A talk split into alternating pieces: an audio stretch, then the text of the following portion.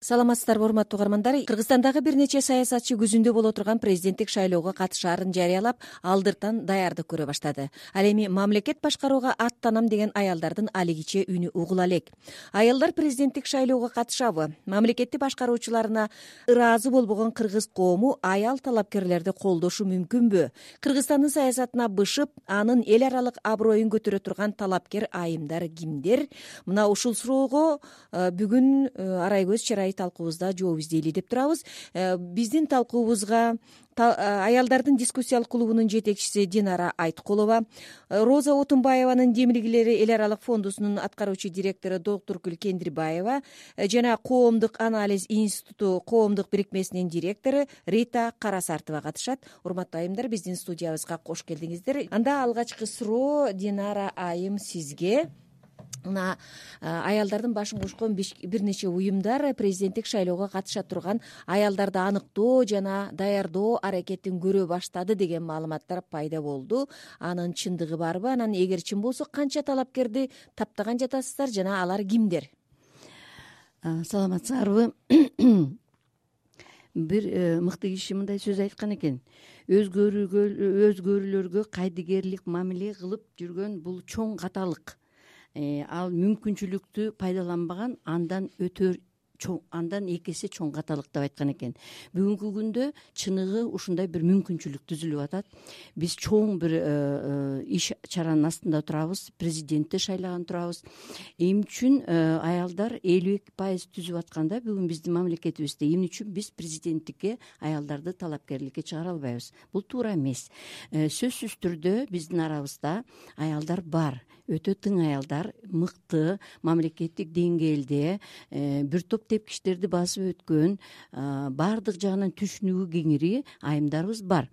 Э, эми алардын өздөрүнүн мүмкүн э, өздөрүн мындай баягы эл колдойбу колдойбойбу деп кичине арты көздөй тартылып аткан жактары дагы бар.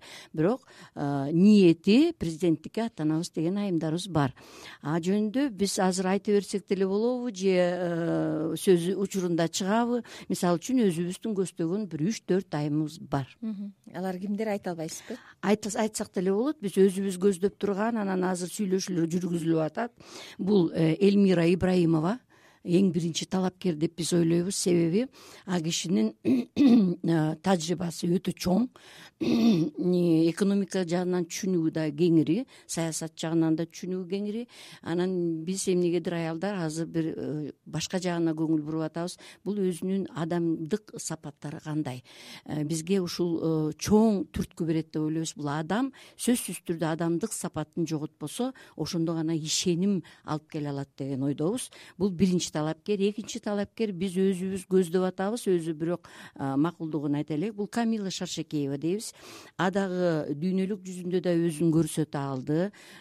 Билими өтө өтө жогору өтө мыкты адамдык сапаты да мыкты тажрыйбасы да өтө чоң.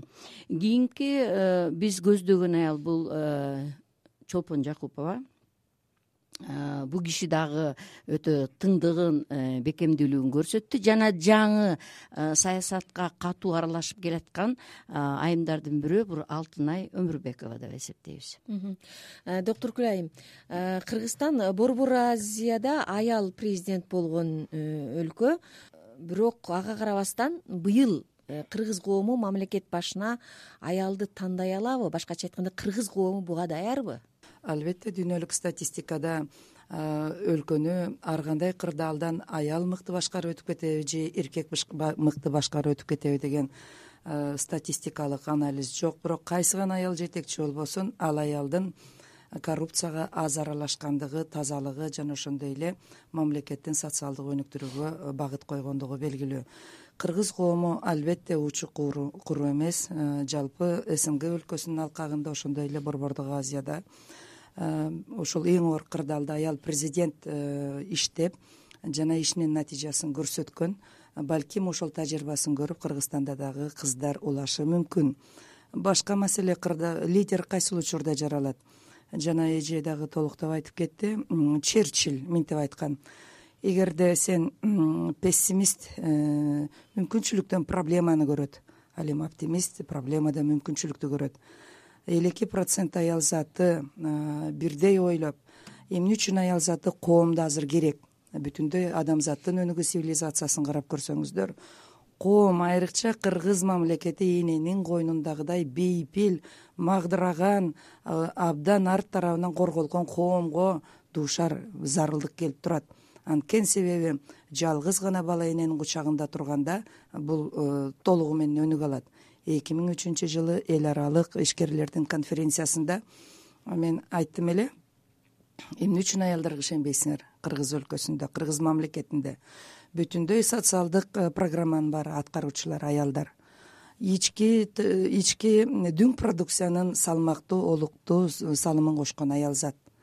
Бүгүнкү күндө мамлекетти ар кандай кырдаалдан чыгарып кеткенге үй бүлөнүн ролунда туруп ошол жигерди иштеген аял зат аял зат эч качан табиятынан жаралганда стратег болот. Анткени эртеңки күнү кышкыга эмне тамак даярдаш керек десе аял даярдайт. Баласына кандай кийим алам десе эртеңки өсүүсүн өнүгүүсүн эске алуу менен аял заты даярдайт. Табиятынан берген толеранттуулугу табиятынан берген даанышмандуулугу табиятынан берилген мунун эртеңкини көрө билген сезимталдыгы жана ошондой эле кооптуулукту интуиция менен сезе билүү табигый дипломатиялык артык. Башка маселе бул эрк. Бир гана нерсе керек. Ар бир ийгиликтүү адам менен ийгиликсиз адамдын бир гана касиети болот. Бир гана артыкчылыгы болот анын эрктүүлүгү. Жок деп айта билгендиги же болбосо барам деп жете билгендиги. Баардыгы столдун астынан үйдүн тышын ичинде отуруп алып сүйлөй берет. Бирок лидер катары кырдаалдан чыгууда аркасынан ээрчите турган кыздар өзүн таптаган мезгил келди го азыр рахмат. Э, рита айым э, кыргызстандагы азыркы саясий коомдук абалды иликтеп байкоо салган уюмдун э, жетекчиси катары саясий процесстерге так жана калыс баа берсеңиз талапкер болчу мамлекеттин өнүгүүсүнө журт энесиндей кам көрүп бүткүл элдин башын бириктирип кете турган аялдар барбы? Же жарым миллион сом акчасы бар добуш бере турган бир канча миң колдоочусу бар адам эле талапкер болом десе көрсөтө берсе мындай э, боло бере турган кырдаал түзүлүп калдыбы? Э, сурооңузга чоң рахмат. Анткени сиз э, биздин конституцияда болгон президентке жазылган ыйгарым укуктары жөнүндө айтып кеттиңер да. Жалпы калай калкка айтып кете турган нерсе бар. Президент бүгүн биздин конституция боюнча ошо мамлекет башчысы жана журт биримдигин белгилеген адис деп айтса болот да. Тилекке каршы э, бүгүнкү күндө биз ошо бириге албай турган заман болуп аткан кези да и мен ойлойм ошо кийинки келе турган президент эмне үчүн аял болуш керек деп. Анткени себеби ушул журттун баарын бириктире турган аял болот болуш керек. Ал кандай бир саясий кызыкчылыгына да карабай э, регионуна да карабай карапайымбы же интеллигенциясына да карабай тиги батышты көздөйбү же россияны көздөйбү деп алардын дагы көзүн карабай ушул биздин кыргыздагы баарыбыз баягы бир жакадан жең бир жакадан баш чыгарабыз дегендей э, стратегияны именно аял бүгүн чыгара турган жерде анан э, көп э, ойлонуп көрдүм кайсы идея бүгүн кыргызстандагы элди бириктирет деп. Мен ойлойм бүгүнкү күндө мыйзамдуулук укуктуу мамлекет деген чоң бир идеянын тегерегинде бүт ушул элдин баары биригет болуш керек. Анткени укуктуу мамлекет болсо баарыбыз тең болобуз укуктун алдында. Анан ошондой нерсеге дагы бүгүнкү күндө биздин динара асанын айтып кеткен айымдардын көбү бул ошол укукту сыйлаган тартипти сыйлаган ошону аркалаган аялдар и мен ойлойм ушул тизме менен деле чектелбейт. Андай айымдар бизде көп аркасынан ээрчитип кете турган деле айымдар чыгат. Бирок э, жакынкы арада э, жана сиз айтып кетпедиңизби мынча миң акчасы бар депчи. Азыр ошондой дагы демилгелер чыгып атат келгиле ошол э, избирательный э, залогту көтөрөбүз депчи. Буга жол бербеш керек. Анткени себеби э, жалаң эле чөнтөгүндө акчасы бар талапкерлер бул көбүнчөсү эркектер болот. Аялдар ойлонот ушу бир бийликке барыш үчүн ушунча акчамды эмне кылам коротуп. Андан көрө балдарыма үй алып берип коюп окутуп ушинтпейинби деп алар мындай рационалдуу ойлонушат да ошон үчүн көбүнчөсүндө барбай коюшу мүмкүн ошон үчүн мен ойлойм бул акча каражат жагын көтөрө анан биз уялат экенбиз көп талапкер чыкканда деген сөз бул куру сөз. Мен ойлойм аялдар чыгат татыктуулар чыгат. Анан биз баарыбыз колдоп бере турган болсок кыргыз мындай дүйнөгө дүңгүрөй турган мамлекетти курганга кудурети жетет динара айым мен кечээ талапкер болчу аялдарды ушу иликтеп отуруп анан мындан бир нече жыл мурун президенттикке барам деп э, жарыя кылган камила шаршекеева менен телефон аркылуу сүйлөштүм да. Анан сүйлөшкөндө ал э, э, президенттикке катышаарын жашырган жок. Демек буга чейин президент болоорун жар салган мырзалар менен атаандаша турган айымдын аты белгилүү болуп калды. Анын талапкерлигин кыргызстандын жалпы шайлоочулардын элүү эки процентин түзгөн аялдар колдоп кете алабы? Бул бул өтө мындай кыйын суроо чынын айтканда. Себеби биз эл эттик элдин э, маанайын түшүнө билишибиз керек да. Анан кийин биз канчалык камила шаршекеева өтө күчтүү кыйын деп айтып атканыбыз менен элеттик жерге анчалык мындай э, таанымал эмес да. Бул биринчиден. Себеби э, министр катары иштеп кеткен бирок таанышат. Э, бирок бул мамлекетти жетектеп кете алабы деген түшүнүктү жайыла элек да. Ушундай түшүнүк жайылса менимче колдойт. Жайылтыш керек. Бул эми биздин иш аракет. Бул бүтүндөй айымдардын иш аракети. Бул түшүндүрүү иштерин жүргүзүш керек.